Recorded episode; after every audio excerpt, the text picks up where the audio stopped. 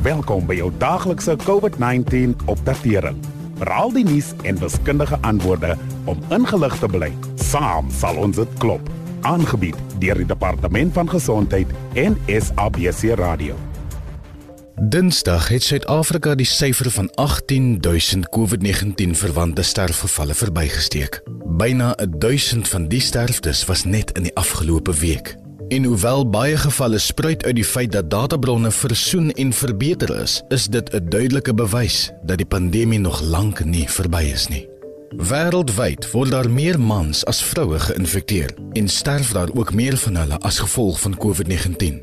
Maar in Suid-Afrika het meer vroue as mans die virus opgedoen. En vroue word nie net geïnfekteer nie, hulle word ook op verskeie ander maniere daardeur geraak.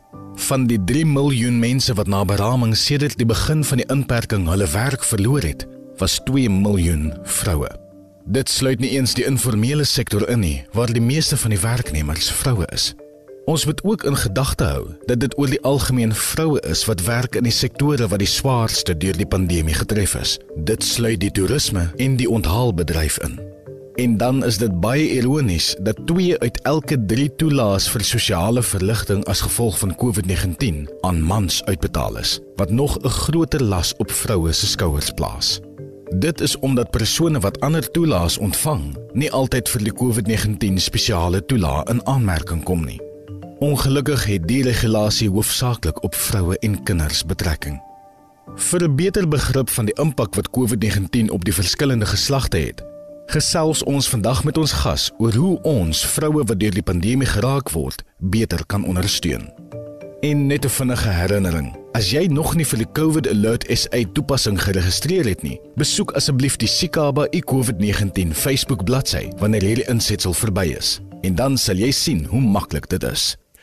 Ons gesels vanaand met Farida Meiburg. Sy is die programbestuurder by Massimanyane Vroueregte Internasionaal. Farida tydens die vorige of 'n vorige uitsending het ons gesels oor die verband tussen COVID en geslagsgebaseerde geweld of terwyl GGG. Sowel as hoe die pandemie vroue ekonomies benadeel. Het inperkingsvlak 1 op enige veranderinge gedui of was daar dan enige veranderinge met die afgradering van die inperking? Ja en nee. Geslagsgebaseerde geweld en die finansiële wanbalans tussen mans en vrouens is diep gewortel en die pandemie het net dinge vererger. Die oorskakeling na vlak 1 het ook 'n paar ander kwessies uitgelig, soos die versorgingswerk wat vroue moet doen, die enorme impak van werksverliese op vrouens en selfs ons romantiese verhoudings en afsprake is geaffekteer. Ja, jy het 'n klomp dinge daar genoem. Kom ons begin deur te praat oor die verantwoordelikheid vir kindersorg. Hoekom is dit so brandpunt? Wel, wêreldwyd is vrouens meerendeels vir kindersorg verantwoordelik. Net soos die meeste algemene versorgingswerk betaald en onbetaald. Vrouens sit ook met die meeste huiswerk opgeskep boonop die enige betaalde werk wat hulle doen. Om die waarheid te sê, Volgens die Universiteit van Kaapstad se navorsing doen vroue 3 kwart van die totale produktiewe werk in die huishouding.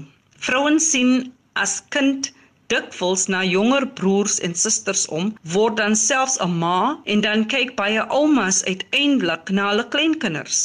En die meeste huishoudings het nie 'n pa of 'n ander manlike versorger om te help nie. Die pandemie het ook ekstra kindersorg meegebring terwyl die skole gesluit was. Ekstra kos maak en huiswerk. Siek mense beteken meer versorgingswerk. Vrouens het regtig gesukkel om in hierdie moeilike tyd vir almal te sorg.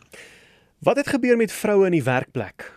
Ja, hierdie syfer is hartverskeurende. Uit elke 3 mense wat hulle werk verloor het, was 2 van hulle vrouens. En as hulle wel werk het, verdien vrouens minder as mans terwyl die betaalgaping tydens die pandemie vergroot het. Voor die inperking het 'n vrou vir dieselfde werk en dieselfde ure ongeveer R70 verdien vir elke R100 wat 'n man verdien het. 30% minder as mans. Data vir Junie toon dat dit nou so min as R66 is. Wat betref romantiese afsprake tydens COVID, is dit nie maar vir almal betrokke 'n bietjie van 'n risiko nie. Ongetwyfeld. As jy uitgaan en net mense in kontak kom, loop jy 'n groter risiko om aan die virus blootgestel te word, ongeag of jy 'n man of 'n vrou is. So wees maar versigtig en selektief as dit by sosiale geleenthede kom. Dra jou masker en probeer jou afstand hou, al is dit hoe moeilik. Probeer om meer aanlyn te kuier teksboodskappe, video-oproepe voor julle mekaar fisies ontmoet om te sien of julle van mekaar hou. As jy iemand persoonlik ontmoet, Onthou dat COVID 'n virus is wat in druppels uit ons mond en neus leef. Moenie te hastig wees om mekaar op die mond te soen nie. En laastens, as jy seksueel aktief is, hou aan met voorbehoeding en beskerming. Moet asseblief nie bang wees om kliniek toe te gaan vir kondome en ondersoeke nie. Hoewel dit beide seksmaats se verantwoordelikheid is, weet ons dat dit meestal vrouens is wat op kondome aandring. Ongelukkig is dit ook vrouens en meisies dikwels wat onder geweldige druk is om seks te hê of hulle word verkrag of word slagoffers van dwangseks. So, die mynveld van eerste afsprake en seks het tydens COVID 'n geslagsprobleem geword.